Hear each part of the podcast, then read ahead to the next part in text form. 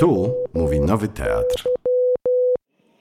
Dobry wieczór Państwu, dobry wieczór Wam, e, wszystkim osobom znajdującym się tego wieczora w Teatrze Nowym w Warszawie.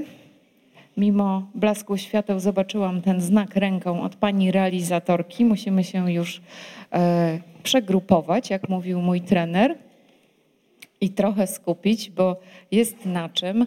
E, mam ogromną tremę, ale i przyjemność połączone, te dwie emocje, e, zapowiedzieć dzisiaj e, premierę wydarzenia, jakim jest nowa książka Katarzyny Surmiak-Domańskiej. Witam Ciebie bardzo serdecznie i ciepło w Dobry Teatrze wieczór. Nowym. Witam wszystkich. Książka... Dziękuję bardzo za przybycie. Ja się nazywam Agata Pasent.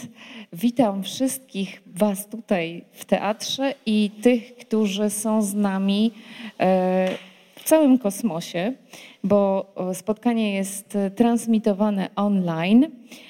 E, I chciałam bardzo podziękować Państwu, że jesteście, Tobie za książkę i też powiedzieć, że jest z nami pani Marlena Florczyk Dzień dobry, dobry wieczór Pani Marleno. Dziękujemy, że dzięki Pani tłumaczeniu migowemu e, poszerzyła się e, nasza publiczność i zniknęły bariery, bo wieczór ten odbywa się w ramach festiwalu e, Kultura bez barier. To może tak Troszeczkę dla rozgrzewki na początek, zanim przeczytasz wybrane przez siebie fragmenty, zapytam Ciebie o ten moment, kiedy e, stawiasz ostatnią kropkę w książce kolejnej. Widziałyśmy się poprzednio przy Kieślowskim Zbliżenia, o ile pamiętam, także zupełna zmiana tematu, stylu kompletnie inna książka teraz. E, czy masz jakiś rytuał jako e, pisarka, dziennikarka, że to ulga, że będziesz, e, że to jest dla ciebie święto, czy bardziej pracocholiczka, która z ostatnią kropką już nerwowo myśli, co dalej, o czym napisze następne teksty? No zdecydowanie to drugie, zdecydowanie to drugie. Ja właściwie jak kończę, ja, ja, bardzo lubię ten, ten czas, kiedy piszę książkę, bo wtedy się właśnie nie muszę jakby martwić niczym innym, zastanawiać się, co zrobić z kolejnym dniem. Mam tak zaplanowany czas na dość długo. I, I, kiedy, I to jest czas zawsze bardzo intensywny, prawda? No wiadomo, że, że, że zawsze te deadline jakoś gonią.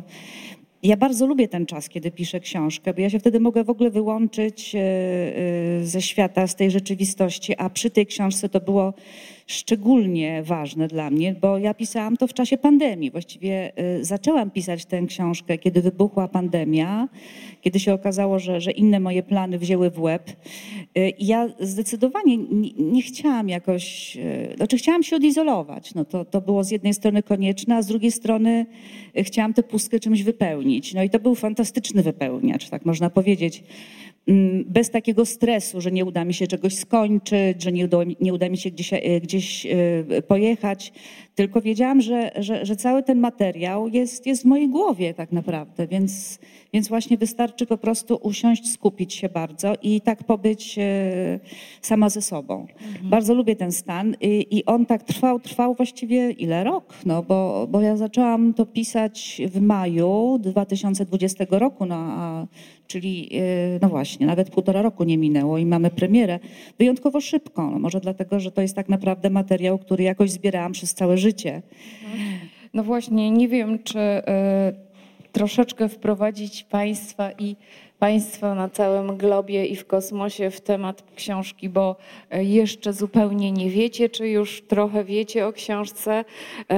No chociaż może minimalnie powiedzmy, takie podstawowe rzeczy dla tych ludzi, którzy jeszcze nie mieli książki w ręku, że ta książka jest kompletnie inna od tego, co wcześniej, przynajmniej dla mnie, pisała Katarzyna Surmiak-Domańska, bo nie jest taką pracą dziennikarki, która się przy, przygląda jakiemuś zjawisku czy jakiejś obcej osobie, bada temat, tylko jest bardzo osobistą książką, jest historią Twoją. Oczywiście e, dotyczy rodziny, dotyczy historii, historii e, czystek etnicznych ojej, czy nie mówię za szybko, teraz się zreflektowałam, zwolnię trochę, e, jakich e, dokonywano czystki etnicznej w Ukrainie, której dokonano na Polakach, na Twoich przodkach.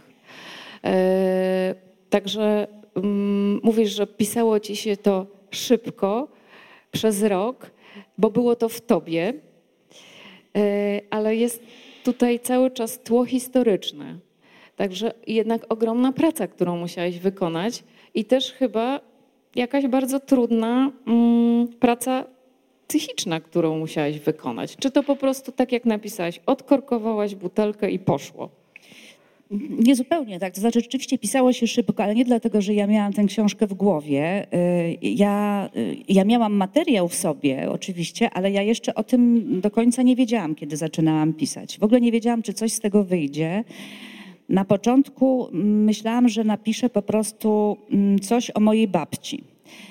I właściwie zaczęło się od tego, że chciałam zrekonstruować postać mojej babci, której nie znałam, ponieważ ona zmarła przed moim urodzeniem. Mówię o mamie mojego taty, głównej bohaterce zresztą tej książki, y, Franciszce Frani. Y, I ona ocalała właśnie z czystki, która się przetoczyła taką podwójną falą przez Wołyń oraz Galicję Wschodnią. My akurat moja rodzina pochodzi z Galicji Wschodniej, spod, spod Lwowa. E, razem z moim, ocalała razem z moim ojcem i jego młodszym e, rodzeństwem. A później znalazła się na ziemiach odzyskanych i, i tam zmarła pod koniec lat 60. w szpitalu psychiatrycznym. Bardzo mało wiedziałam o tej babci, bo ojciec nigdy jej nie wspominał. To aż dziwne. Ja, to znaczy przez dłuższy, dłuższą część mojego życia jakbyś nie, nie, nie myślałam o tym, że to jest dziwne. Wydawało mi się, że, że po prostu babcie, dziadkowie, reszta moich babci, znaczy pozostała druga babcia i dziadkowie też, też właściwie byli mało obecni w moim życiu. Mnie się wydawało, że to jest jakąś normą, że, że dziadkowie to jest jakaś kategoria takich dalszych znajomych. Naprawdę, wiem jak to może dziwnie brzmieć, ale, ale tak było w moim domu. E, ani wspomnienia jakieś nie były częste o nich, ani, ani, ani oni sami. Mm, I zaczęłam od, od tego, żeby, żeby właśnie dowiedzieć się, co tam się wydarzyło w tej Ukrainie. Myślałam, że to będzie może właśnie taka książka bardziej trochę opowiadająca o, o, o tamtych wydarzeniach ukraińskich, o, o czystce, o tej masakrze rzezi, o wojnie, y, o ziemiach odzyskanych, więc myślałam, że bardziej pójdę w taką stronę historyczną. Nie sądziłam, że ten mój wątek osobisty będzie jakoś tak szczególnie ważny. Y, ja zresztą jako reporterka mam zwyczaj, właściwie odruch nawet, tego, żeby się zawsze chować, no, żeby no się nie eksponować. O tym, o tym mówię, ale Dokładnie, ale się, no, widocznie to... coś takiego w reporterze siedzi, tak. że chcę wreszcie się pokazać, wreszcie coś przemówić, prawda, a nie tylko, a nie tylko jakby chować się ze swoich bohaterów, bo to też nie jest prawda mhm. że, że my w reportażach nie jesteśmy obecni. Jesteśmy, tylko jesteśmy jakoś tak przemawiamy przez tych bohaterów. Może też czasem dobieramy sobie takich bohaterów i takie tematy, które trochę mówią o nas, e, czego czytelnik nie zawsze musi się domyślać. Mhm. Mm, a tutaj właśnie jakoś tak było e, inaczej i, i jak, jak zaczęłam rekonstruować po prostu tę te, te, te, tę historię i, i wydarzenia e, wojenne, to nagle mi się zaczęły pewne rzeczy klarować, wyjaśniać mi się. Nagle zrozumiałam, że to nie jest opowieść tylko o kolejach losu, tylko to jest również opowieść o traumie, a raczej o takim dziedziczeniu traumy i o sztafecie traumy, można powiedzieć. Nagle zaczęło mi się po prostu wyjaśniać, mhm. i, y, że, że ta wojna się nie skończyła w mojej rodzinie i to, że się o niej w ogóle nie mówiło, to, to nie znaczy, że ona, ona gdzieś, gdzieś nie pracuje w nas cały mhm. czas, tamte przeżycia. Pewnie z jednej strony e, nie widziałaś może tak dużo o swojej babci i ojciec ci nie opowiadał, bo wydaje mi się, że jak e, z własnej perspektywy patrzę na to i być może Państwo też mają podobne sytuacje, że ci, którzy są najbliżej nas, często e, nie są adresatami naszych pytań, że e, zawsze jakoś uważamy, że mamy czas na pogadanie z ojcem, na pogadanie z mamą, a interesują nas, nie wiem, konflikty czy prze, przemilczenia gdzie indziej, więc może z tego powodu, a może dlatego, że e, historia Twojej rodziny, tych trzech kobiet, którym dedykujesz książkę, e, zaraz może opowiesz kim one były, chociaż pokrótce tym osobom, które jeszcze książki nie czytały. Po prostu była szczelnie zamknięta w pudełku ze strachu. Mówię o tym pudełku z listami, ale też przenośnym pudełku, bo w czasach, kiedy byłaś mała, kiedy ja byłam mała, jesteśmy mniej więcej z tego samego pokolenia, opowiadanie o swoim pochodzeniu to nie było takie hop -siup. Niedawno przeczytałam przed książką twoją na przykład biografię Anny Walentynowicz i tam wręcz wątek ukrywania pochodzenia ukraińskiego jest bardzo mocny. E, więc może to z tego powodu, że e, było im trudno tobie opowiadać o babci, której nie ma. Może był wstyd, może się bali. Ja myślę, że jest bardzo wiele powodów. Ja sobie e, próbuję jakoś je, jakoś je sobie tak, nie wiem, spisać, e, bo oczywiście od, od mojego ojca tego nie wyciągnę, dlatego że, że to jest taka ściana. No. On, on ewentualnie opowiada o pewnych wydarzeniach, można od niego wyegzekwować, e, jak przebiegało jakieś zdarzenie, co kto powiedział, ewentualnie jak ktoś wyglądał, ale nie ma interpretacji. Ja, ja nie mogę powiedzieć, że przede mną cokolwiek ukrywano, że ukrywano jakieś fakty. Nie ukrywano żadnych faktów, e, tylko ukrywano ich znaczenie. Czyli na przykład przedstawiano mi, y, znaczy ja nie przypominam sobie, nigdy nie przyłapałam, nie doszłam do tego, żebym została w jakiś sposób okłamana, albo żeby, mm, nie wiem, robiąc kwerendę do tej książki, żebym odkryła jakieś rzeczy, które były przede mną schowane. Nie, tam ja się właściwie nie dowiedziałam, jeżeli chodzi w sferze faktów, więcej niż to, co wiedziałam, tylko, tylko nagle za, zaczęłam rozumieć, co za tym wszystkim stoi, jaka, jaka trauma. Y, I wiem, ja myślę, że, że u mojego ojca, bo, no bo przecież przecież on był głównym tym przekaźnikiem tej historii, e, dysocjacja, bo na pewno tutaj chodzi o dysocjację, czyli wypieranie jakiejś rzeczywistości traumatycznej, polegało na tym, że on ją sobie zaczarował. To znaczy opowiadał mi o wojnie, jakby opowiadał bajkę. Ja na przykład przez wiele lat, jak byłam dzieckiem, słuchałam jakichś e, takich anegdotek z jego dzieciństwa, właśnie z tego dzieciństwa wojennego i to były zawsze anegdotki śmieszne i zawsze one były jakieś takie sielankowe wręcz, czyli opowieść o Białym Domku na wsi Dębia, we wsi Dębianka, na kolonii Dębianka, e, o Wiśniowym Sadzie, e, o tym jak się siało, jak się muciło zboże cepami, jak pięknie pachniała czereśnia, jakie ciocia robiła wspaniałe pierogi, że był ksiądz. Temu księdzu się robiło różne psikusy, na przykład kradło mu się e, gruszki, które trzymał e, pod słomą na strychu. No potem była wojna, no i jak to na wojnie, no ludzie ginęli, komuś spalił się dom, komuś poderżnięto gardło, kogoś zastrzelono, e, potem spalił się nasz dom. No i takie to były czasy. Przyszli bandyci, przyszli źli ludzie, tak jak w bajce, prawda? Nie była mowy o tym, że to są Ukraińcy, tylko bandyci. Przyszli źli ludzie, zabijali, trzeba było uciekać. No i tak znaleźliśmy się na ziemiach odzyskanych, ale to było przede wszystkim bardzo, bardzo dawno temu. Ja pamiętam, że ojciec jak, jak opowiadał o swoim dzieciństwie, to, to, to, to zawsze jakoś podkreślał to, że to się działo po prostu w jakiejś zamierzchłej przeszłości. W związku z tym gdzieś, gdzieś we mnie też, nie wiem, powstało powstało takie myślenie, że, że ta przeszłość nie ma prawa mieć żadnego związku z naszą teraźniejszością, ponieważ jest tak odległa. No a tak naprawdę, no jakaż to zamierzchła przeszłość, prawda? Ja się urodziłam e, w jakieś, nie wiem, dwadzieścia parę lat po tych wydarzeniach. Co to jest dwadzieścia parę lat? Ja, ja doskonale pamiętam, co się działo dwadzieścia parę lat i, i na pewno temu i, i te wydarzenia ciągle e, we mnie pracują, więc, więc, więc oczywiście to, to jest takie złudzenie. Ale czy y, uważasz po pracy nad tą książką, po publikacji jej y, i po podzieleniu się z nami wszystkimi y, tą rodzinną traumą i wydarzeniami, które tutaj opisujesz, powiem od razu, że książka jest napisana z perspektywy e, uczestników tych wydarzeń E, także jest wielogłos i są fragmenty jak najbardziej prozatorskie, gdzie musisz e, wypełniać e, wypełniać strony opisami, które brzmią jak proza, nie jak reportaż historyczny, którym poniekąd też ta książka jest. Także wydaje mi się, że to też jest zupełnie coś nowego w twojej, w twojej twórczości, przynajmniej dla mnie tak było. czy mm, nie miałeś takiego poczucia, mm, okej, okay, czy nie wtryniam się ze swoimi buciorami e, do pudełka, które przecież z listami konkretnymi, które było zamknięte, którego oni, do których to listów oni nie wracali. Mówię o korespondencji e, siostry e, z Paryża. Mm, zaraz może opowiesz historię, bo nie chcę tobie zabierać głosu. No było to pudełko zamknięte. Nie mogli rodzice znaleźć tego pudełka, tych listów, a ty konfrontowałaś ich. I się teraz tak zastanawiam, czy naszą rolą tego pokolenia jest właśnie ta konfrontacja i ten, mm, to otwieranie tych pudełek, a może właśnie ten obraz taki sielski, że to tak było dawno, może między sąsiadami różnie to bywa. Yy,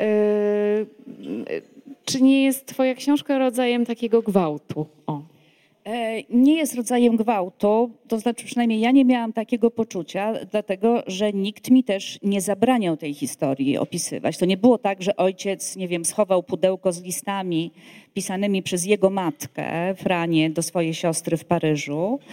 E, listy pisane w latach 30., 40., czyli w czasie trwania wojny, w czasie trwania rzezi oraz później w latach 50. już z ziemi odzyskanych. W tych list, no, dzięki tym listom właściwie jestem w stanie tę moją babcię jakoś zrekonstruować. E, nie był to gwałt, ponieważ nie było oporu. To nie było tak, że ojciec mi mówił, nie chcę, żebyś o tym pisała, albo nie dam ci tych listów, nie chcę, zapomnijmy o przeszłości. Nie, ojciec zawsze to bagatelizował. Po prostu, a to nudne, to nieciekawe, a po co ci, jak chcesz, to proszę bardzo. I to było takie, to było takie, to było takie miękkie, więc ja nie miałam poczucia, że ja robię czegoś niedozw y, coś niedozwolonego. E, kiedy ojcu powiedziałam, że, że, y, że piszę tę książkę, to ojciec powiedział, o widzę, że się interesujesz, brawo. I to tylko tyle. Aha, okay. Tak, czyli no uznałam to Może za akceptację. czekał na ten ale, moment. ale z drugiej strony nie zadał ani jednego pytania na temat tej mojej pracy. Nawet kiedy pojechałam na, y, do Ukrainy i odnalazłam to miejsce, gdzie, gdzie kiedyś stał ten nasz dom spalony przez bandę UPA, y, no, w którym się rozegra, rozegrały y, no, te traumatyczne wydarzenia. I kiedy wróciłam z tej Ukrainy i, i, i, mówię ojcu, no mówię, słuchaj, no byłam w Ukrainie, widziałam to miejsce, Dębiankę. Ojciec tam nie był nigdy po wojnie i nigdy nie miał ochoty tam pojechać. A ojciec, tak? No więc mm, trudno, trudno to nazwać gwałtem, nie czuję się gwałcicielką, e, ale powiem ci, że na przykład zastanawiam się, co by było, gdyby był sprzeciw i gdyby był opór, prawda? I gdyby, nie wiem, zaklinano mnie, żebym nie ruszała jakiejś tej przeszłości, to myślę, że i tak bym to zrobiła dlatego że uważam, że mam do tego prawo, bo ta historia jest również moją historią i ta, ta sztafeta traum teoretycznie y, może, nie daj Boże, się toczyć dalej. Ja y, mam takie poczucie, że to jakoś, że nieprzepracowane traumy, nieopowiedziane traumy, y, wyparte, one, one ciągle pracują no, i, i trzeba, trzeba coś z nimi zrobić, a myślę, że opowiedzenie jest jest bardzo dobrym sposobem, no, mhm. lepszym niż dysocjacja. Czy czujesz, że bardzo jest ci blisko do tych trzech kobiet, które tutaj y, w pewnym sensie w tej her story też umieszczasz, chociaż Bronuś jest przecież też bohaterem y, książki, więc nie powinniśmy mówić, że jest tylko o tych y, trzech kobietach. Czy jest ci do nich bardzo blisko, czy ten czas, jaki upłynął, warunki, w jakich my się wychowywałyśmy, my przedstawicielki tego właśnie pokolenia, już dzieci z awansu, prawda? E, e, że, że jest, jesteś zupełnie inna, bo opisujesz dom, e, całą scenografię odtwarzasz wspaniale. Są tutaj, proszę Państwa, opisy ogrodu, drzew owocowych. Ja przez chwilę myślałam, że to może są jakieś Twoje własne fascynacje e, ziemią i uprawą, nie, która była tak, dla tej rodziny też, bardzo też ważna. moje ogrodnicze, tak. tak? E, czy e, uważasz, że jesteś już tak oddalona, bo przecież to była rodzina niewykształcona. Piszesz o tym w dwóch książkach, które były w tej wiejskiej chałupie, z czego jedna była podręcznikiem od weterynarii. I czy właśnie opisanie tej historii e, jakby przywróciło ci babcię i czujesz się bliżej z z przodkiniami, przodkami twoimi? Kiedy myślę o tych e, trzech siostrach, czyli moja babcia Franciszka, jej siostra Jadwiga, która od lat 20. do lat 60. pracowała jako służąca w Paryżu i i, i przesyłała ciągle pieniądze, y, które pomogły mojej rodzinie przetrwać ten czas wojenny, ale też również czas y, y, osiedlania się na ziemiach odzyskanych, która ostatecznie, proszę Państwa, przyjechała pod koniec lat 60. do Polski, nie mając co robić z nadwyżką dewiz, kupiła mojej rodzinie mieszkanie w Warszawie. Ja dzięki niej jestem warszawianką, bo urodziłam się w Olsztynie i przyjechała ciocia i mówi, a to kupię mieszkania Jadzi, czyli siostrzenicy i Bronusiowi, czyli mojemu ojcu. To jest niesamowity Proszę fragment bardzo. też w książce, e, gdzie tak. ciocia z Paryża za, e, za, zaprasza wszystkich, żeby właściwie uciekali do niej, a, a, a twoja rodzina tutaj w, w, w PRL-u mówi, że jest tak wspaniale, kiedy wreszcie tutaj wrócisz do nas. Tak, i ona wraca dopiero, dopiero kiedy umarła jej, jej gospodyni, jej, jej, jej chlebodawczyni. E, no i zamieszkała właśnie ze siostrą mojego ojca, ciocią Jadzią na Mokotowie. E, kupiła dwa mieszkania, my byliśmy bliskimi sąsiadami. No i tak właśnie moja rodzina jakby zaczęła, zaczęła się ta odnoga warszawska mojej, mojej rodziny. Więc tak sobie myślę, że, że, no, że właściwie tej cioci z Francji tak zwanej, no zawdzięczam bardzo wiele. Ja ją pamiętam dobrze, ona zmarła dopiero w roku 80., także była bardzo ważną postacią w moim dzieciństw, mojego dzieciństwa. I myślę, że ona ona ewentualnie, tak jak już by miała bardzo naciągać, mogłaby być kimś w rodzaju mojej babci. Bo tak naprawdę innej nie miałam. No była babcia mojej ma mama mojej mamy, która mieszkała na wsi, ale z nią miałam bardzo nikły kontakt. E, więc ciocią Francją, która mieszkała, z ciocią z Francji tak zwaną, miałam zdecydowanie bliższy kontakt i to była jakaś taka osoba, która na pewno miała jakieś znaczenie dla, dla, dla, dla mojego wychowania, dla mojego e, e, wzrastania. Natomiast czy ja się czuję jakoś blisko z tymi trzema siostrami? Jeszcze była Rosalia, która właśnie została zamordowana przez, przez banderowców. No właśnie nie, one były zupełnie inne. Nie ty, one były, nie wiem, i pod względem charakteru chyba i, no i przede wszystkim te, te, czasy były tak zupełnie inne, tak inne było wychowanie i formowanie kobiet, że, że no, naprawdę z, trudno znaleźć jakieś podobieństwo. A wydaje mi się, że już moja babcia, czyli właśnie Franciszka, z tych trzech sióstr to już chyba najmniej mnie przypominała. Wydaje mi się, że już więcej mam wspólnego właśnie z tą przedsiębiorczą, energiczną, taką czasem apodyktyczną Jadwigą z Francji, e, czy może nawet właśnie z tą Rozalią, która zginęła w czasie wojny, która, która była taką osobą z kolei bardzo mm, radosną, bardzo ekstrawertyczną, e, lubiącą śpiewać na przykład. Ja też lubię śpiewać. To, to może z nią bardziej. Natomiast moja babcia e, jest taką osobą, która jak pytam niektórych członków mojej rodziny, którzy ją pamiętają, no bo ona umarła w 66 roku, e, mówię, czy, czy ja jestem do niej podobna? I, I moi wujkowie, ciocie tak patrzą na mnie. Nic. Nic. Ani fizycznie, mhm. ani z wyglądu, ani, ani, ani już w ogóle z charakteru. Mhm. I, I nie wiem, i to, i to, jest takie dla mnie przykre, no, że, że właściwie, ale wszyscy, to jeszcze jest ciekawe, że kiedy o to pytam, to wszyscy są zdziwieni, że w ogóle mi takie pytanie przychodzi do głowy. Przecież to jest naturalne pytanie, no. prawda? No. Czy, czy jest się podobnym do babci? Widocznie wszyscy mają takie poczucie, że... Kiedy się zrobiło taką pracę odzyskiwania tej babci, bo są książki o wymazywaniu, a to jest książka o o odzyskiwaniu, więc mnie to, mnie to pokazuje po prostu, jaka niesamowita przepaść nas dzieli. No Prze, przepaść oczywiście w czasie. No, co się wydarzyło pomiędzy tymi naszymi ży życiami, które się nawet nie, nie nałożyły na siebie, no to jest, y, to jest przede wszystkim te ogromne przemiany powojenne, prawda? Mhm. Czyli moja babcia, która się urodziła uwaga, w kurnej chacie e, w Galicji, gdzie e, dzieci spały na, na, na słomie, e, no to i, i, i, prawda, i moje dzieciństwo, no to, to jest przecież totalna przepaść. Mhm. Ten awans, awans społeczny moich rodziców, którzy, którzy no też w, w, urodzili się jeszcze w domach wiejskich, w rodzinach chłopskich, no zdobyli wykształcenie i, i przenieśli się do dużego miasta, no to, to, jest, to jest rzeczywiście no, totalna jakaś zmiana e, środowiska, która dzisiaj jest wręcz niewyobrażalna. Ja myślę, że, że w ogóle należę do takiego pokolenia, znaczy właściwie ty też trochę należysz, tylko ty miałaś inną historię, ale, ale tego pokolenia, które jest dzieckiem właśnie tych beneficjentów tego, mm, tego e, awansu społecznego, którzy zrozumieli, że muszą się totalnie odciąć od swoich wzorców, prawda? No bo mhm. pochodząc, prawda, z tych domów wiejskich, no to, a teraz oni są inteligentami z miasta, no to wiadomo, że, że cały ten bagaż doświadczenia ich rodziców, dziadków jest y, zbyteczny że właściwie jest, jest tylko jakąś kulą u nogi. Obciążeniem, stąd I, teraz jest pytanie, właśnie, jak to dziecko wychowywać. Lepiej prawda? było przemilczać to, bo jak dla nich to był taki dziecko? No, ciężar. No, wydaje się, że, że to przede wszystkim zupełnie inaczej niż sami byli wychowywani, więc, mm. więc ja, ja się uważam za takie dziecko takiego trochę eksperymentu społecznego, wychowywanego przez, przez ludzi, którzy nie bardzo wiedzieli, jak się do tego zabrać. Mm -hmm. zanim pozwolę Ci przeczytać fragment, który wybrałaś na, na wieczór dzisiejszy, to chciałabym mm, jeszcze zapytać o to, w ostatnich latach, mam wrażenie, pojawiło się dosyć dużo książek o kresach. E, wschodnich, mówię, Rzeczypospolitej. E, była e, z takich książek, które na mnie zrobiły wrażenie, książka mm, historyczki Anny Smułki o polskich marzeniach związanych z drogą Rzeczypospolitą i przedsiębiorczości na kresach tam.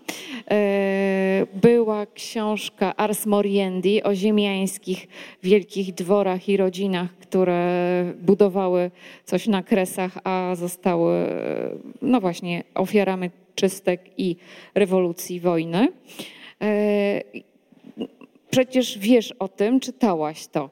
Jak zrobiłaś, żeby Twoja książka była inna, żeby też na przykład różniła się od książek e, dotyczących e, naszej tradycji chłopskiej Rzeczpospolitej? Jest to książka Katarzyny Surmiak-Domańskiej, zupełnie inna, czy to była świadoma decyzja, żeby się różnić? Wiesz co, powiem Ci szczerze, że akurat nie czytałam tych, o których mówisz, więc, e, ale też świadomie nie czytałam wielu książek e, autorów, którzy, którzy powiedzmy stanęli przed podobnym wyzwaniem.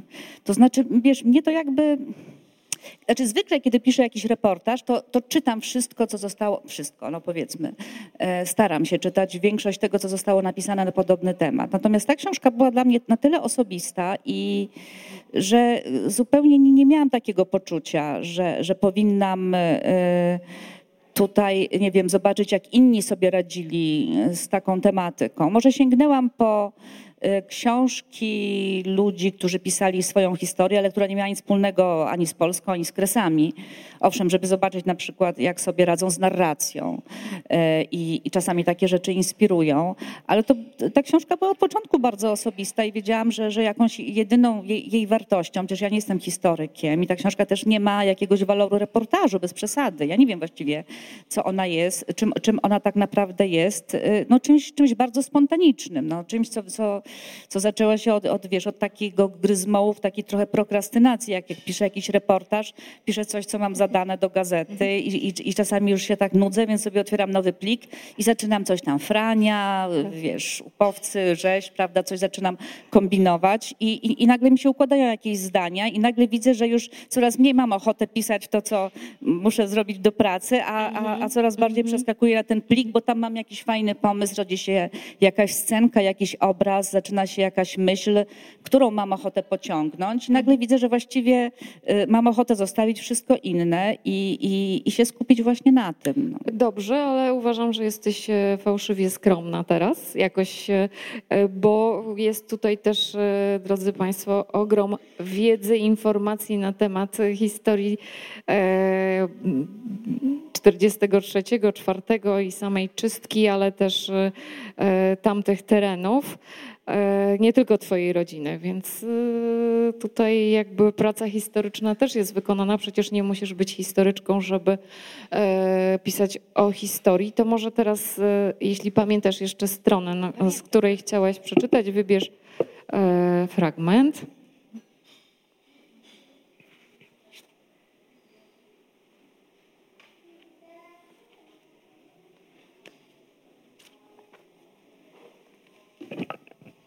Rozdział dziesiąty Pyłyp. Pyłyp nie był złym człowiekiem. Miał cierpliwość do dzieci, nie odganiał. Zawsze zwracał się do nich łagodnym tonem, a po stosunku do dzieci, nie swoich, cudzych, poznaje się ponoć człowieka. Przystojny, wysoki, czarnowłosy, z wąsikiem.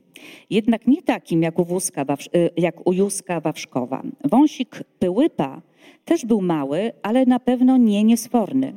Foremny, kwadratowy. Takie wąsy kojarzą się teraz z męskością. Pyłyp chyba lubił Bronusia, choć może raczej wystarczy powiedzieć, że nic do niego nie miał. Znali się od kilku lat. Bronuś był przecież na jego weselu. Pyłyp to zięć starego Chrychorija, mąż Stefanii. Wieczorami u Pyłypa zbierają się koledzy na karty. Siedzą w dawnej sypialni Franki i Ruzi w izbie z klepiskiem, na którym nadal wala się słoma. Rozparci na ich krzesłach, przy tym samym stole, przy którym nie tak dawno ksiądz Bierut wbijał chłopcu do głowy konfiteor. Bronuś sadowi się na piecu, patrzy jak licytują, jak skręcają sobie papierosy. Słucha, nie wyganiają go. Niechaj wczytsja, śmieją się. Niech się uczy. Najczęściej rozmawiają o broni, w sensie, że mało i skąd wziąć. Może myślą tak jak sąsiadki, że win nie rozumie. Albo raczej, że jeśli nawet rozumie, to co z tego? Na karty przychodzi czasem Wasyl, ojciec Bogdancia. Bywa też teść Pyłypa, Chrychorii i dwaj mężczyźni, których Bronuś nigdy wcześniej we wsi nie widział. Oni chyba nocują w lesie. Ci z lasu są najważniejsi, zwłaszcza jeden. Kiedy zabiera głos, reszta cichnie, słucha uważnie. Czasem na stole pojawia się wódka. Wtedy mężczyznom zbiera się na przyśpiewki. Propała Polszcza, propała Warszawa, tylko nie propała ukraińska sława. Przepadła Polska, przepadła Warszawa, ale nie przepadła ukraińska chwała. Żona Pyłypa krząta się w kuchni, gdzie kiedyś krzątały się Frania i Ruzia. Jest też w domu nowa mała dziewczynka. Ma nie więcej niż cztery lata. Największy autorytet to dla niej sześcioletnia Jadzia. Mała nieustannie drepcze za nią i woła Jadzia, Jadzia. Co do Bogdancia, to jest tak jak było. Nadal chodzą w trójkę z Adasiem paść konie i krowy, z tym, że Bronuś ma już tylko jedną krowę. Pieką ziemniaki, wypatrują na niebie samolotów. Frania rzadko zagląda do dużej kuchni. Przynależy jej się teraz tylko pokój z podłogą, ten po księdzu. Tu też jest piec, płyta nowa, prawie nieużywana, bo ksiądz przecież sam sobie nie gotował. Mieszka tu sama, a czasem z dziećmi, które kursują między nią a krewnymi. Pyłyp przesunął im jedno łóżko, wstawił szyby w oknach. Żydów wyriżem, Lachif wydusym, Ukrainu samostijnu zbudowaty musym. Parchów wyrżniemy, Lachów wydusimy, niepodległą Ukrainę, Ukrainę zbudować musimy. Niesie się po domu gromki śpiew, gdy zasypiają. Większość polskich rodzin już się z Dębianki wyprowadziła. Szkodę, szkołę zamknięto, nauczycielki wyjechały. Frania została. Wszystko ma pod kontrolą, albo tak jej się wydaje. Poprzysięgła sobie, że domu nie zostawi. Wynieść się to znaczy stracić wszystko bezpowrotnie, odpuścić, oddać. Nie zostawi murk, na której jej siostra pracowała w Paryżu, nie zostawi stodoły pełnej zboża, ogrodu, sadu, murowanego domu. Ten dom to majątek, suchy i ciepły. Gdyby nie ten dom, to tam pyłypa by nie było. Zamiast wyprowadzić się w ogóle, Frania wyprowadza się więc do mniejszego pokoju. Od południowej strony rozpościera się z niego widok na łąkę i kościół. Za kościołem droga zakręca i tam dopiero zaczyna się dębianka właściwa. Czasem w nocy na horyzoncie widać łunę. To palą się gospodarstwa tych, którzy ciągle nie podjęli decyzji. Podpalanie to jeden z bardziej cywilizowanych sposobów mordowania. Nie trzeba się konfrontować z ofiarą bezpośrednio. W dzień można spokojnie spojrzeć sąsiadom w oczy. Kiedy wyobrażam sobie wojnę, czy raczej siebie w czasie wojny, to wydaje mi się, że wiem, co na niej jest rzeczą najokropniejszą. Według mnie to konieczność nieustannej czujności, ciągłego podejmowania decyzji, od których zależy życie. budowanie strategii przetrwania, testowanie ich na swoim życiu, na życiu dzieci. Wiem na przykład, że istnieją dwie teorie na temat tego, co robić, gdy palą ci dom. Pierwsza mówi: Nigdy przenigdy nie chowaj się do piwnicy. Piwnica to trumna. Jeśli ogień nie dosięgnie cię płomieniem, to podpełznie dymem. Z ogniem nie wygrasz, walcząc twarzą w twarz. Ale możesz mu uciec. Jest potężny, lecz nieuważny, mniej uważny niż woda. Tu pali, a tu się zagapi. Zostawi kawałek wolnego. Uciekaj więc na otwartą przestrzeń, zamknij za sobą drzwi, odetnij ogniowi tlen. Nie daj mu się zapędzić w kozi róg. Jednak są tacy, którzy boją się zawierzyć własnej głowie. Mówią, co ma być, to będzie, tylko nie każcie mi już nigdy wybierać, czy mam uciekać w prawo, czy w lewo, czołgać się, czy przemknąć susem, skakać z okna, czy czekać, może cudem zgaśnie. A jeśli wybiegnę i mnie zobaczą i zrobią coś jeszcze gorszego niż ogień, schowam się lepiej w kąciku, zaczekam na to, co Pan Bóg mi przeznaczył, pomodlę się. Nie mam pojęcia, jak sama bym się zachowała. Sąsiadka Franki z Dębianki zamknęła się z rodziną w piwnicy. Wszyscy się podusili. Jej starczyło sił, żeby otworzyć klapę, wydostać się. Miała szczęście, ale kiedy już uszła z życiem i poczuła chłód powietrza, los ją postawił przed nową decyzją, być może jeszcze trudniejszą. Co dalej? Do kogo iść po pomoc?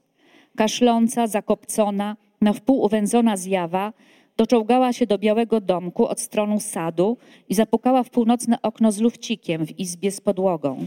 Ratujcie, Franka, na Boga, ratujcie, palą nas. Dobrze wybrała i dla niej znalazło się tu miejsce. Rano, gdy wychodziła, minęła się w sieni z pyłypem. Spojrzał groźnie, ale pozwolił jej wyjść. Powiedział jedynie do, do Franki: Wy, Surmiakowa, to się w końcu doigracie. Tylko tyle. To jest właśnie waluta, którą Pyłyp płaci za mieszkanie. Adaś, kolega Bronusia z pastwiska, wybrał pierwszą opcję. Tamtej nocy, gdy podpalili ich dom, stał się mężczyzną. Wyprowadził z obejścia matkę i siostrę.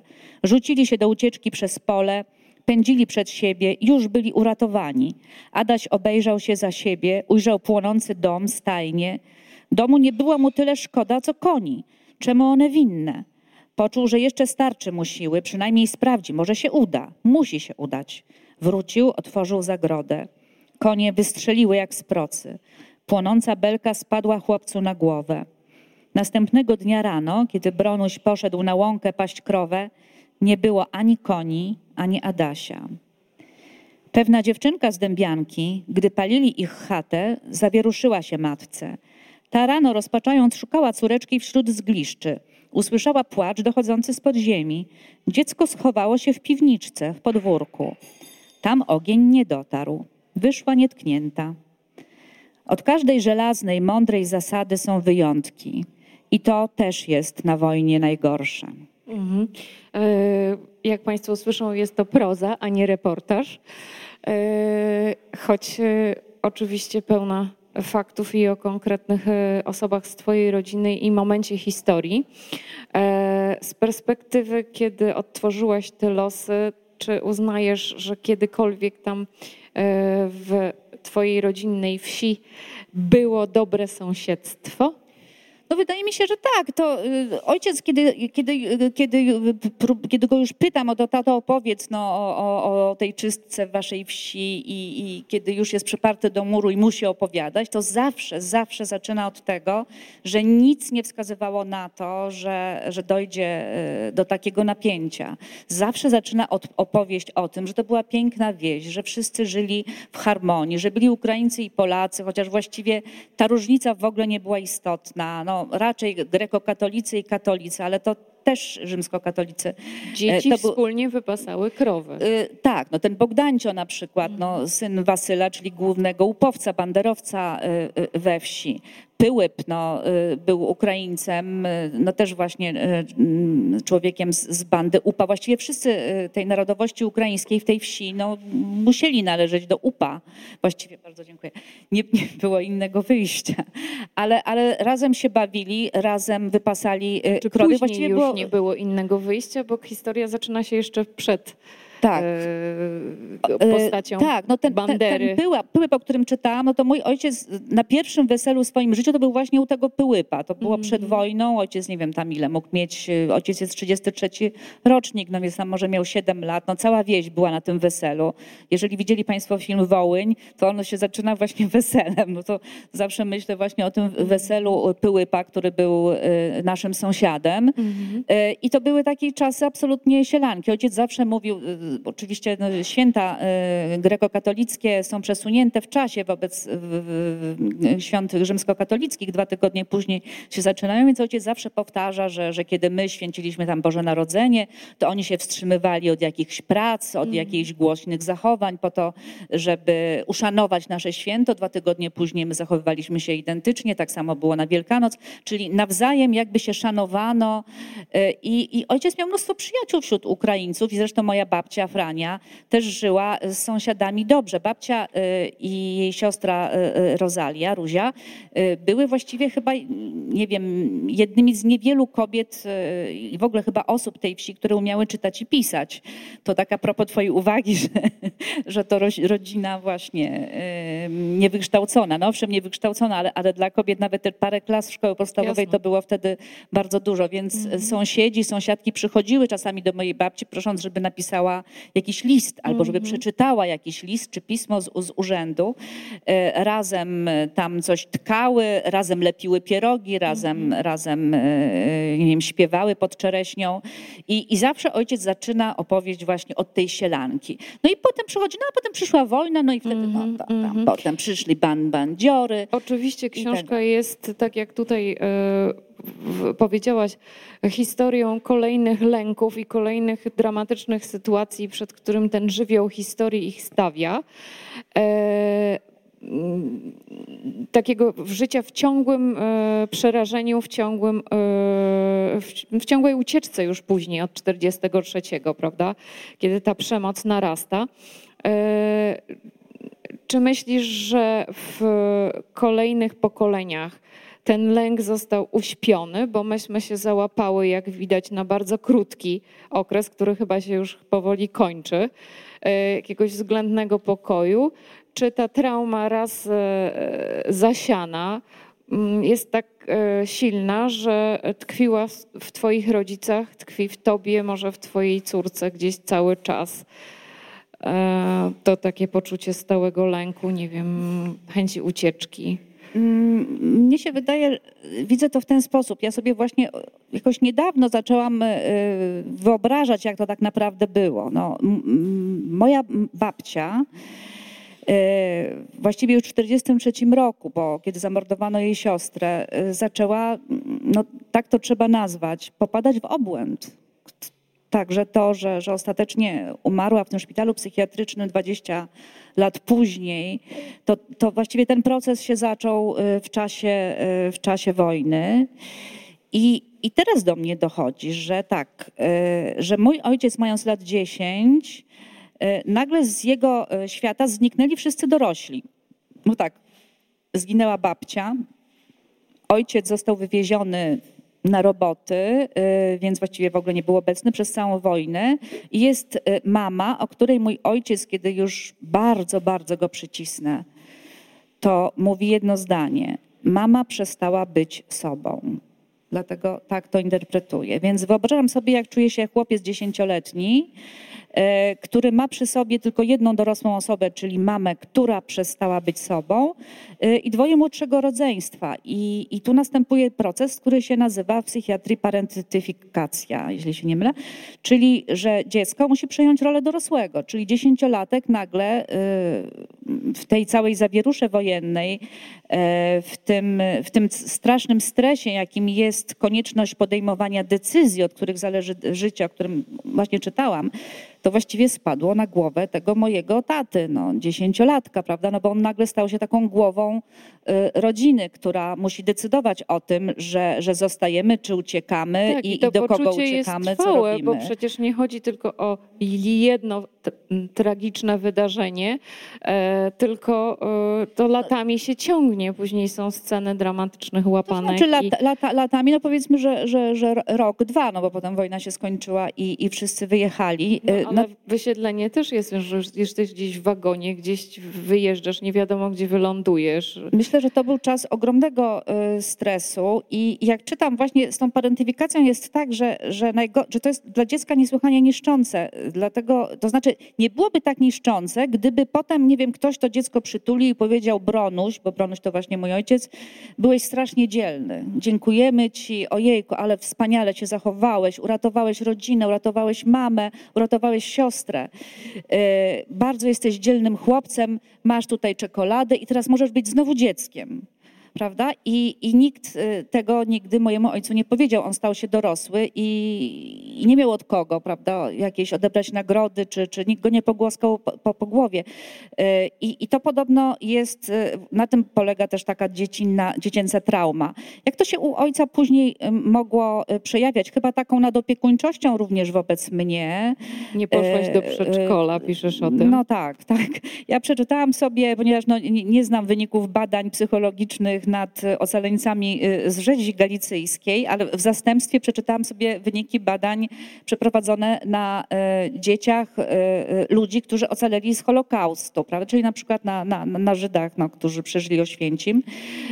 I, I takie naukowczynie z Izraela mm, rozmawiały właśnie z dziećmi tych osób, czyli z osobami pewnie w moim wieku, pytając ich, jak były wychowywane. No i, i podobno takimi właśnie stałymi punktami to jest to, że rodzice rodzice byli nadopiekuńczy, przewrażliwieni na punkcie bezpieczeństwa, trzymali ich pod kloszem, Y, przez, sączyli w niej taką nieufność wobec świata, że świat jest, świat jest niebezpieczny i najlepiej w ogóle siedzieć w domu. Y, no i też y, będąc bardzo obowiązkowymi rodzicami, takimi właśnie dbającymi, zapewniającymi materialne, ze strony materialnej wszystko, co trzeba, zarazem dość chłodnymi. No to, to szczerze mówiąc, wypisz, wymaluj. No tak było dokładnie mm, w moim domu. Więc myślę, że, że, że tak, że, że w ten sposób to, to, to pracuje, czyli może, może po prostu ten, ten odruch takiego, takiego obsesyjnego wręcz e, chronienia, prawda, e, młodszych, mhm. bardziej e, bezbronnych. Czytając, doznawałam takiego odczucia, które już trochę znałam z lektur książek o pokoleniu przywiązanym do ziemi. To jest z kolei zupełnie inna opowieść niż, niż w moim domu, bo my nie mieliśmy nigdy takich doświadczeń. E, że my wiemy, że powinni uciekać, a z drugiej strony to jest dla nich jedyne miejsce na ziemi. Pojawia się ta sielskość, ta wspaniała żyzna ziemia na kresach tu w tej książce. Mm, czy to jest coś, e, e, co, z czym już zupełnie zerwałaś właśnie, co czyni cię daleką, bo czujesz się mobilna, czujesz, że gdyby, nie wiem, przyszło ci się przenosić, to natychmiast bierzesz e, córkę za rękę i, i nie wiem, kartę kredytową i uciekasz, czy ta niemoc, że nie znam nic innego, tylko tę ziemię, dzięki której mam to drzewo, mam tę krowę. Jeszcze siostra przesyła pieniądze, więc już w ogóle poczucie takiego obowiązku, że to jest nasze miejsce a z drugiej strony czytasz to i myślisz sobie, kurczę, jest to niebezpieczeństwie, ratujcie się, to jest tylko dom, tylko ziemia, uciekajcie. Yy, no właśnie, czy co, ja to, Rozumiesz, jak, to, jak, to, jak, jak to widzę? No oczywiście ja, ja absolutnie nie mam takiego przywiązania ani do ziemi, ani w ogóle do miejsca i, i, i dla mnie nie, nie, nie byłoby żadnego pro, problemu, żeby, y, żeby się przemieścić, prawda? No zwłaszcza jeżeli, jeżeli by w grę wchodziło y, ratowanie się przed, przed śmiercią. No ale też no, no w ogóle nie można porównać y, tego, jaką łatwością dzisiaj jest dla nas przemieszczanie się i tego, że cały nasz majątek właśnie trzymamy na karcie kredytowej w jakichś dokumentach, które wiszą w chmurze, a czym innym jest no, y, dla Frani, prawda, w latach 40., y, dla której cały majątek no, to była ta ziemia, właśnie ziemia kupiona tam za jakiś spadek po mamie, no i przede wszystkim za pieniądze przysyłane przez, cór, przez siostrę y, z tego Paryża. I tego majątku nie możesz zabrać, no, nie możesz zabrać domu, nie, nie masz żadnych ruchomości, właściwie tylko te, te nieruchomości, bez tego jesteś niczym. Już nie mówiąc o tym, no, że, że dokąd niby uciec. No, no, nie masz dokąd. Nie, nie, nie mieliśmy żadnej rodziny, wiesz, tam w tej zachodniej Polsce. Część ludzi uciekała, część ludzi uciekała, to przecież część zostawała, ale, ale tak jak zresztą tutaj pisze, że część tej wsi gdzieś uciekała, gdzieś wyjeżdżała właściwie przed siebie. Ale też myślę, że wiesz, no, to mądry człowiek po szkodzie, prawda? To też nigdy nie wiadomo, to nie jest tak, że w internecie ogłaszają, proszę wszystkich, żeby wyjeżdżali, ponieważ jutro o 17 będziemy mordować. Nie wiesz właściwie, co się dzieje. No nie wiesz, dlaczego któregoś dnia twoi, twoja sąsiadka nagle przychodzi, wiesz, pod twój dom i zaczyna rzucać kamieniem w okno. Ona ci nie mówi dokładnie, o co chodzi, tylko po prostu rzuca kamieniem w twoje okno, prawda? Robiłaś ogromną kwerendę do tej książki, mimo wszystko, no, chociaż mówisz, że ach, nie za bardzo. E, bardzo dużo dowiedziałam się o Banderze z tej książki. Zaskakująco e, małą wiedzę posiadałam, jak się okazuje. Ja właściwie e... zerową posiadałam przed tym. Właśnie dlatego to była też dla mnie wielka przyjemność, że, że mogłam przyjemność? sobie... Przyjemność? tak, przyjemność, znaczy przyjemność taką taka researcherska Aha. zdecydowanie, żeby, żeby właśnie właśnie dowiedzieć się czegoś o tym człowieku, bo się ciągle mówi banderowcy, banderowcy. Właśnie.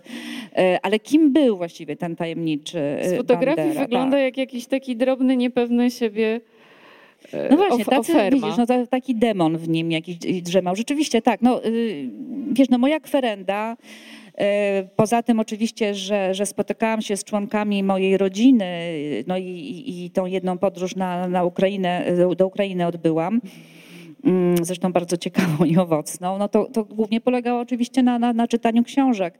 I, I dzięki książkom jakoś udało mi się też zrekonstruować postać tego, tego, tego pana, od którego się wszystko zaczęło, tak można powiedzieć. Sam sobie wyrywał e, paznokcie. Tak, e, zdaje się, że był psychopatą. Jeden z jego biografów. Sytuację, e, że go tak. męczą na przesłuchaniu. Tak, on się przygotowywał, właśnie to jest, to jest taki, taki niesamowity paradoks, bo ten człowiek, który był sprawcą tak wielu cierpień, rzezi, prawda, to tortur, jakichś w ogóle no, niewyobrażalnych. E, on sam siebie przygotowywał do roli męczennika i był przekonany, że to on będzie kiedyś torturowany i, i, i chciał być takim męczennikiem, herosem, który pomimo tortur nie zdradzi sprawy. No, był oczywiście nacjonalistą ukraińskim, wychowanym już w takiej rodzinie, e, także, także od dziecka jego ideałami e, było, była właśnie polec albo cierpieć no, za, za, za Ukrainę, której, która ciągle nie miała własnego państwa. I rzeczywiście on właśnie podobno jako dzieciak sobie na przykład przytrzaskiwał palce we framudze drzwi albo jakieś igły sobie pod paznokcie wbijał. E, niesamowite jest to, że e, tak przekornie los mu zesłał zupełnie inne życie. Jemu nigdy nie spadł włos z głowy.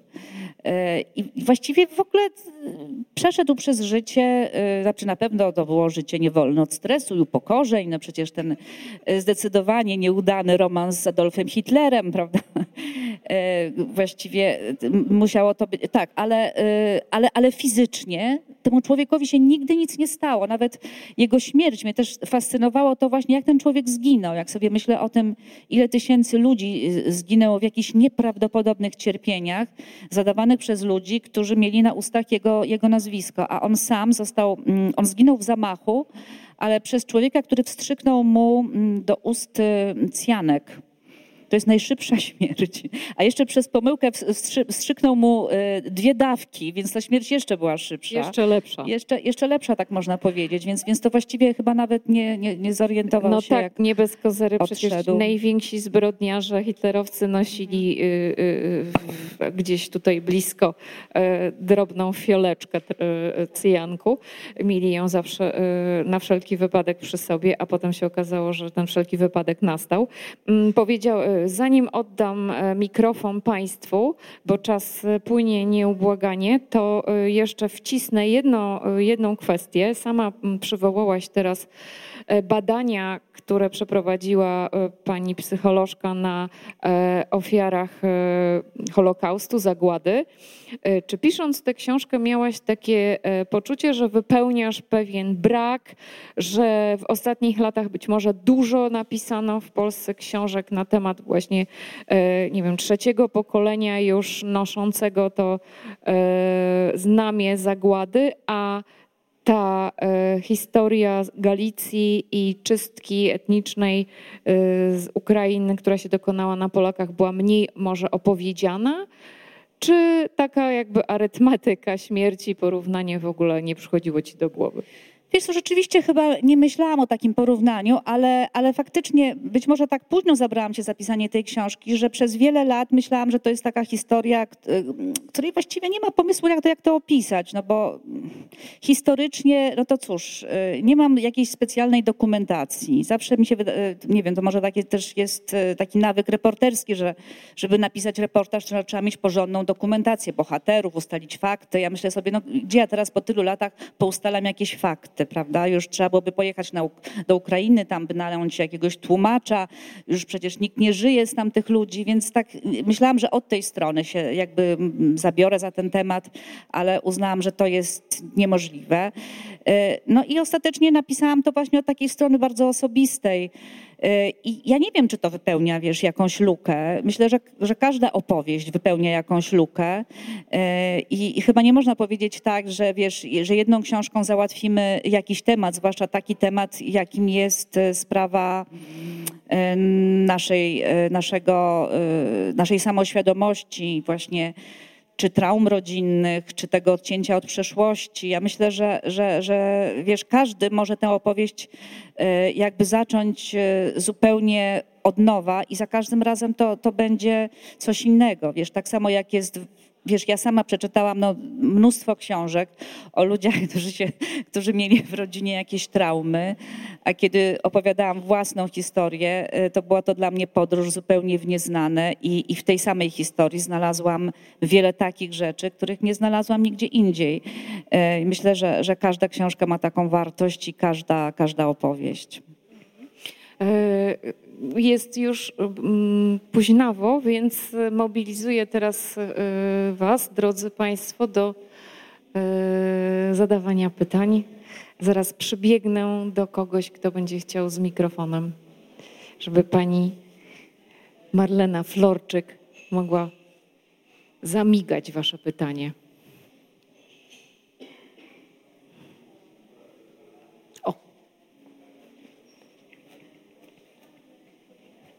Musiałaś dokonać autocenzury, to znaczy zrezygnować z jakichś wątków, bo uznałaś, że to jest zbyt osobiste i aż e, za, zanadto by zdradzało e, Twoją historię, historię Twojej rodziny?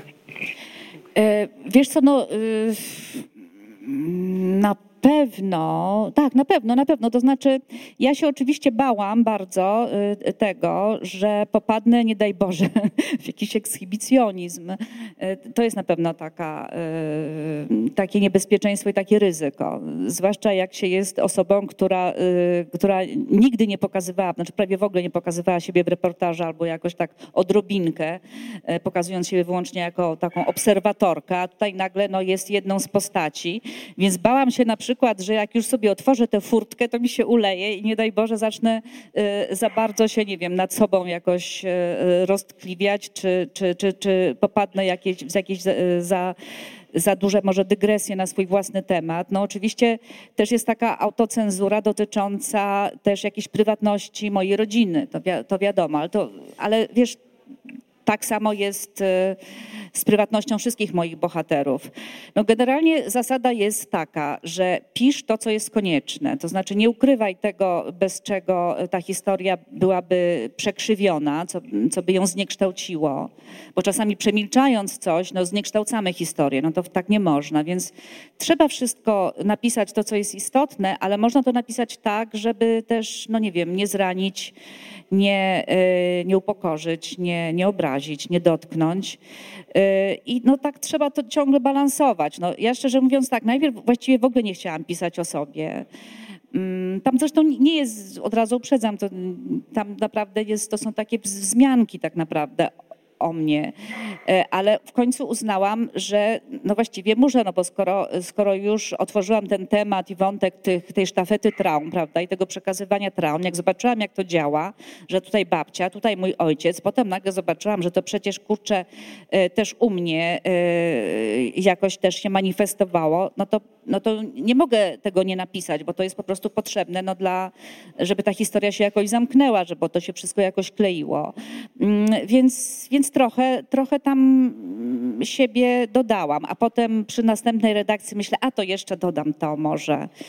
Potem ktoś mi powiedział, że wiesz, troszeczkę za mało jest o tobie, właściwie powinnaś chyba więcej napisać, jak to w że sobie, o, no to może jeszcze tam coś dodam. No i tak w końcu pododawałam trochę i no mam nadzieję, że nie jest tego y, za dużo. Ale zapewniam Państwa, że to na najwyżej jest 10% tego, y, co, y, co w ogóle no, no, no siedzi w głowie. Ja myślę nie tylko moje, ale zwykle autora, nawet takiego autora, który pisze autobiografię, no to nigdy nigdy to nie jest e, wszystko. No ja jako czytelniczka powiedzieć. muszę powiedzieć, że byłam huśtana tą książką. Czasami miałam wrażenie, e, że e, autorka bardzo jest, szuka konfrontacji. Jest fragment w tej książce, gdzie Katarzyna zaprasza a raczej zaciąga swoją rodzinę na film Smarzowskiego o rzeźni na Wołyniu interesujący pomysł e, na wspólne spędzenie wieczoru. Wydawało mi się, że to jest e, no, bardzo ryzykowne, ale wieczór na szczęście okazał się owocny i przy, przydał Wiesz, to, to się nie chyba był bardzo. na spędzenie wieczoru, tylko była to po prostu nie, no, prowokacja. Wiemy, że, i, właśnie, mówię, I no jakiś sposób, żeby takiego... tego mojego ojca otworzyć wreszcie i żeby on mógł wreszcie wyjść z tej wyidealizowanej Oczywiście. wizji prawda, tego dzieciństwa e, Oczywiście. w Ukrainie prawda, I, i żeby go skonfrontować. A wiedziałam, że Smarzowski nie zawiedzie. Także jest trochę konfrontowania, ale jest też bardzo dużo empatii. I bardzo ciekawy pomysł na pozostawienie bohaterów, e, w zdro... znaczy imion w zdrobnieniu. Mówiłam ci już o tym, to jest świetna, świetny pomysł. Znaczy, nigdy nie jest, ojciec zawsze jest Bronuś i to też powoduje, że... No tak, ponieważ w tej książce właściwie jest dwóch bohaterów. Jest ten Bronuś, ten mały chłopczyk, którego nie znała, mój ojciec.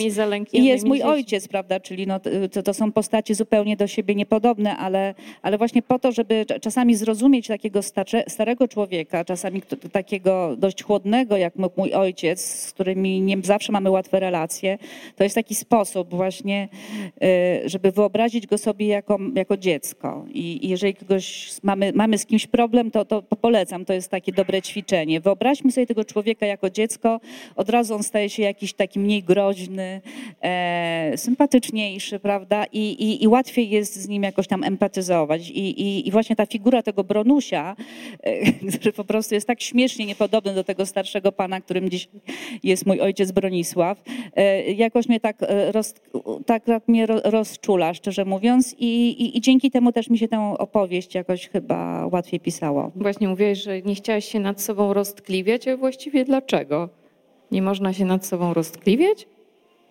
Wiesz to roztkliwiać to się powinien czytelnik, wiesz, nad tym, co czyta. Natomiast jak autor się za bardzo, wiesz, roztkliwia, to, to, to, to raczej już, wiesz, e, e, nie, nie, to, to, to nigdy nie jest, okay. E, to nigdy nie jest dobry efekt. Dobra. Czy są jeszcze jakieś pytania?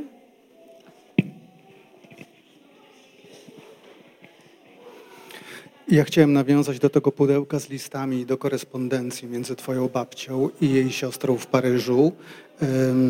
Czy to była korespondencja tylko babci do siostry, czy jakby wzajemna?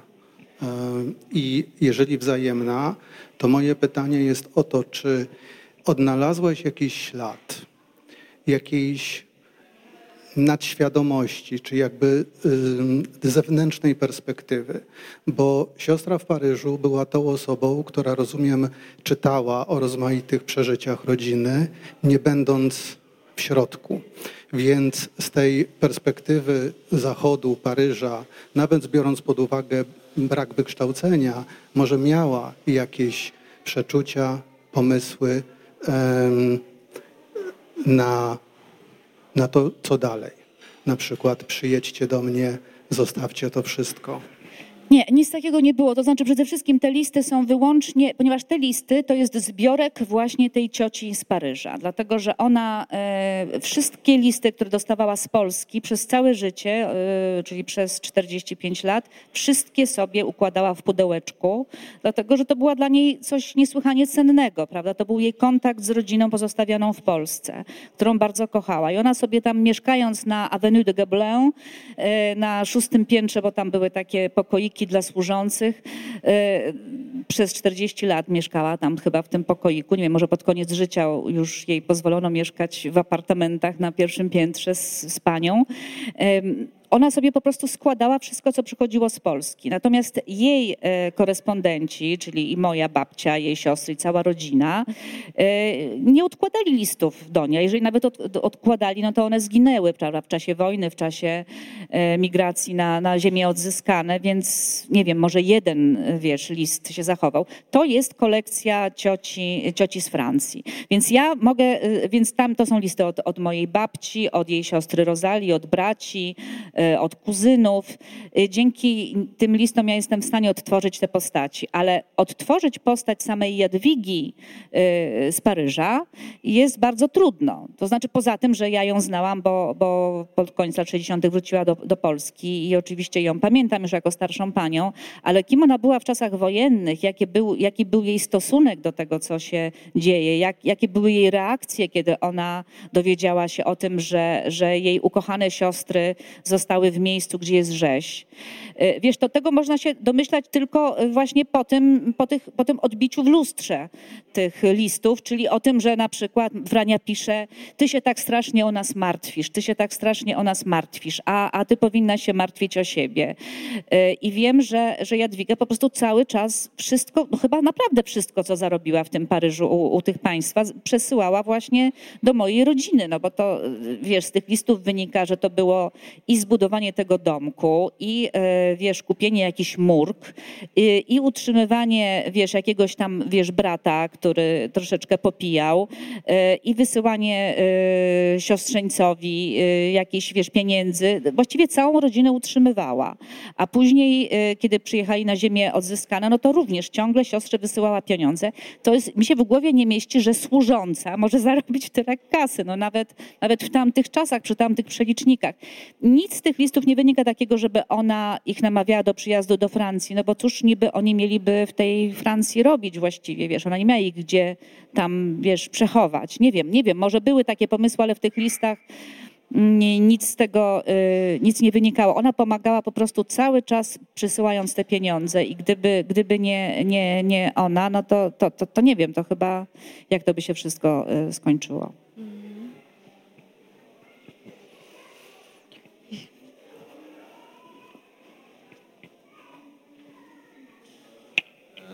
To ja zaryzykuję takie pytanie, e, bo się zastanawiam, na ile uchwytny jest ten cały proces od momentu, kiedy czujesz napięcie e, w powietrzu, że coś się złego dzieje, do momentu, kiedy ktoś przychodzi i pali ci chałupę. I się zastanawiam nad tym, czy jak napiszesz taką książkę albo przepracujesz taką historię rodzinną, to e, jako e, autorka, reportażystka nie czujesz się jakbyś była po operacji, nie wiem, zdjęcia zaćmy z oczu. I sobie wtedy myślisz, mm, jak patrzę na sytuację w Polsce, to wydaje mi się, że teraz jesteśmy w takim, a w takim momencie. Czy to się w ogóle jakoś E, da znaleźć jakąś analogię, da się to uchwycić, czy to jest kompletnie nieporównywalne? Wiesz co, y, y, wszystko oczywiście można jakoś porównać, pamiętając o, o, proporcjach, no y, wiesz, jednak, jednak nie mam poczucia aż takiego zagrożenia, jakie, jakie miało miejsce, wiesz, w tamtych czasach. Nikt jednak nam głów nie obcina na razie i, i nie sądzę, żeby to było akurat to, czego się, wiesz, dzisiaj boimy. Natomiast oczywiście jest pewien proces, który, który, który wygląda, przebiega podobnie to znaczy, że zaczyna się niesłychanie niewinnie. No, zaczyna się od tego, że najpierw sąsiedzi, e, wiesz, z którymi byłeś za pan brat, e, e, przestają przychodzić i prosić cię o przetłumaczenie listów, prawda? Kiedyś zawsze przychodzili, a teraz jakoś nie mają czasu, teraz nie mają jakoś listów do, do przetłumaczenia. Potem nagle właśnie którejś nocy zaczyna ktoś ci, wiesz, walić kamieniami w szyby. I kiedy podchodzisz do okna, to widzisz, że oni uciekają, czyli się jeszcze wstydzą, prawda? Czyli nie mają jeszcze odwagi, żeby, nie wiem, spojrzeć ci w twarz i rzucić w ciebie kamieniem. E, ale za tydzień już to robią, już patrzą ci w twarz. Potem podpalają dom, no bo podpalić dom możesz podpalić i uciec, prawda? I potem na drugi dzień nie wiadomo, kto podpalił dom, dlaczego ktoś zginął ale potem przychodzą i, i wiesz, i piłują cię piłą na przykład. Wiesz, to jest proces, myślisz sobie, że to, że to za chwilę się skończy, że no to może to jeden dom podpalili, prawda, ale już naszego nie ruszą. E, moja babcia, jak, jak, jak może wynikało z tego fragmentu, który przeczytałam, wymyśliła sobie taką strategię, że ona po prostu jakby udzieli gościny upowcom, banderowcom, prawda, y, żeby nie musiała wyjeżdżać, żeby nie musiała tego domu tracić, to ona po prostu pozwoli im mieszkać u siebie. To był najatrakcyjniejszy dom we wsi, bo był jedynym, jedyny dom murowany i tam upowcy właśnie sobie w naszej sypialni dawnej y, no, zrobili swoją, swoją siedzibę, więc myślała, że, że taki miała pomysł. No, wojna to jest właśnie ciągła konieczność podejmowania decyzji i nie wiadomo jak to się skończy, no bo może się rozejdzie po kościach. I, i potem czasami jest, potem się ucieka, więc no, nie zapominajmy, że moja babcia jednak ocalała, prawda? I mój ojciec też ocalał, to znaczy, że podejmowali dobre decyzje. No, ich sąsiedzi oraz część rodziny niestety y, w tragiczny sposób zginęła, więc to jest kwestia właśnie całego takiego lawirowania i, i podejmowania jakiejś decyzji. Więc oczywiście, że o tym myślę, że to, wiesz, nigdy od początku nie wiadomo, jak się skończy i nigdy, nigdy się nie zaczyna jakimś takim mocnym akcentem, tylko to wszystko jest takie, takie bardzo stopniowe i trudno uchwycić ten moment, mm, kiedy jest jeszcze za wcześnie, e, żeby wyjeżdżać. No bo wiesz, tak wyjeżdżać bez powodu, no to wiadomo, wszystko tracisz. No to jest, też nie wiadomo, co się z tobą stanie. No jak nie masz nic i co, nagle pojedziesz gdzieś, co wysiądziesz gdzieś na dworcu w Katowicach i co. E, a kiedy jest już za późno, żeby wyjechać. No i myślę, że to tak niestety często w życiu jest. No, także, także o tych procesach warto pamiętać. Jest coś takiego upiornego w tym, kiedy, kiedy właśnie zauważasz takie pierwsze symptomy. No na pewno myślę o tym, jak wiesz, my y, z naszymi sąsiadami, przyjaciółmi jesteśmy dzisiaj podzieleni, prawda? Nie wiem, 10 lat temu, 15, ja też miałam y, różnych przyjaciół, którzy dzisiaj, y, wiesz, mnie nie znają, no nie podają mi ręki z innych, z tych powodów, że, że wiesz, należymy do jakichś innych obozów po prostu prostu innych, innych baniek, więc, więc to się dzieje. No ale oczywiście wszyscy, prawda, liczymy na to, że to się niedługo skończy i na pewno nie będzie źle. Te historie o wojnie mają to do siebie, że obie strony przesuwają swoje granice, bo ofiary w pewnym sensie okłamują się, że może nie będzie tak dobrze, że zresztą w tych opowieściach o kresach i w tej też jest ten dojmujące, że nie ma dokąd uciec, więc uciekają wprost w pole, prawda? Las i pole. No dokąd mam uciec, to i często było tak, że gdy to pole rosło te kilka centymetrów wyżej i cię zasłoniło, to byłeś uratowany, a jeżeli coś się ruszało, było niżej, no to przegrane. Ale te e, oprawcy, o których też Katarzyna tutaj pisze i e, mm, jak bardzo krwawe były te, te, e, te zbrodnie, ta czystka, jak bardzo była bestialska i, i twoja opinia, czemu taka właśnie akurat była, oni też sobie robią y, co kilka dni, prawda, u nich to przyzwolenie. Zaczynałem jako, nie wiem, facet, który mówi coś na wiecach, prawda? Albo y, syn swojego ojca, który był po prostu tylko y, oddanym patriotą, a później, rok później, pozwalam sobie na coś innego, więc to jakby i, i, i ofiara, i, i, i oprawca przesuwa się co, co kilka nie wiem, dni, miesięcy dalej. Czy są jeszcze jakieś pytania? O, pani. Czy kiedy wróciłaś e, do Dębianki, czy udało ci się spotkać e, osoby, które mogły być spadkobiercami, potomkami e, ludzi, którzy wtedy no, mieli swój czynny udział w.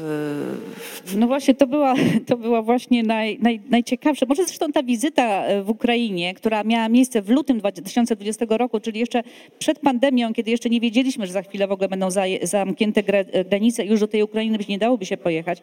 Może to też e, sprawiło, że jakoś tak usiadłam e, do, do, do pisania. Mianowicie tak, no dojechałam do tej Dębianki, byłam uprzedzana przez rodzinę, przez przyjaciół, żeby bardzo uważać, no bo to jest, no tam wiadomo, Polaków nie bardzo lubią no, na tych terenach, gdzie, gdzie właśnie no, no była rzeź, a to, a, to, a to akurat były takie tereny. Pustomyty, właśnie Dębian, Dębianka, Mostki, e, tam Siemianówka, no tam, tam dochodziło do, do największych e, e, tragedii.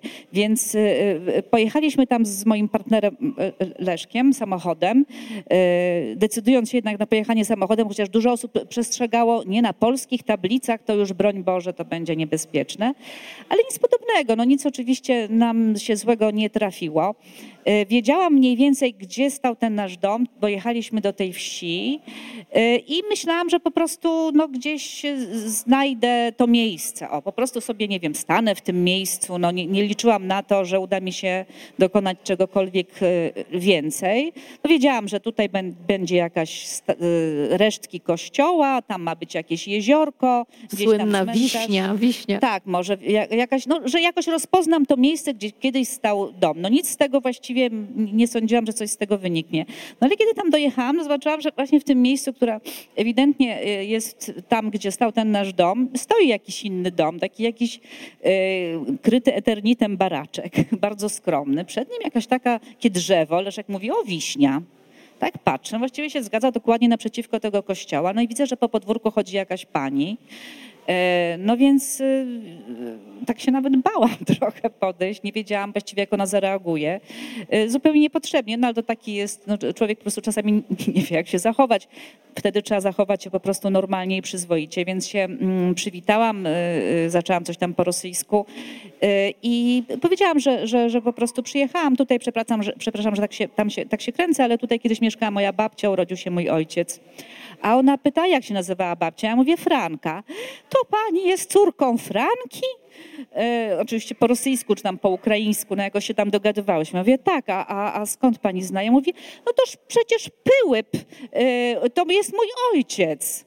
I się okazuje, że ten właśnie upowiec, banderowiec, który, który zajął nasz dom, e, on e, po tym, jak ten dom został spalony, nie wiem czy, czy nie przy jego udziale. On sobie po prostu w tym miejscu wybudował własny dom i całe to nasze pole przejął. I właściwie całe to gospodarstwo teraz jest, jest, jest właśnie, e, należy do, do, do córki e, Pyłypa. E, no i ta pani nas bardzo miło przyjęła, wpuściła nas, pokazała nam właśnie i to pole, i to jezioro, które podobno do dzisiaj nazywa się Jeziorem Franki, bo jej ojciec tak, tak zawsze o tym mówił. I ona mówi, no tak, ojciec zawsze opowiadał, że tutaj kiedyś mieszkała taka Franka, miała trójkę dzieci, ale po wojnie wszystko zostawiła i wyjechała do Polski. No dobrze, więc, więc tak, tak, tak wyglądała ta, ta, ta ta podróż, no i to odnalezienie tego miejsca, które właściwie już niczym nie przypomina tego miejsca opisywanego przez ojca czy przez jego siostrę.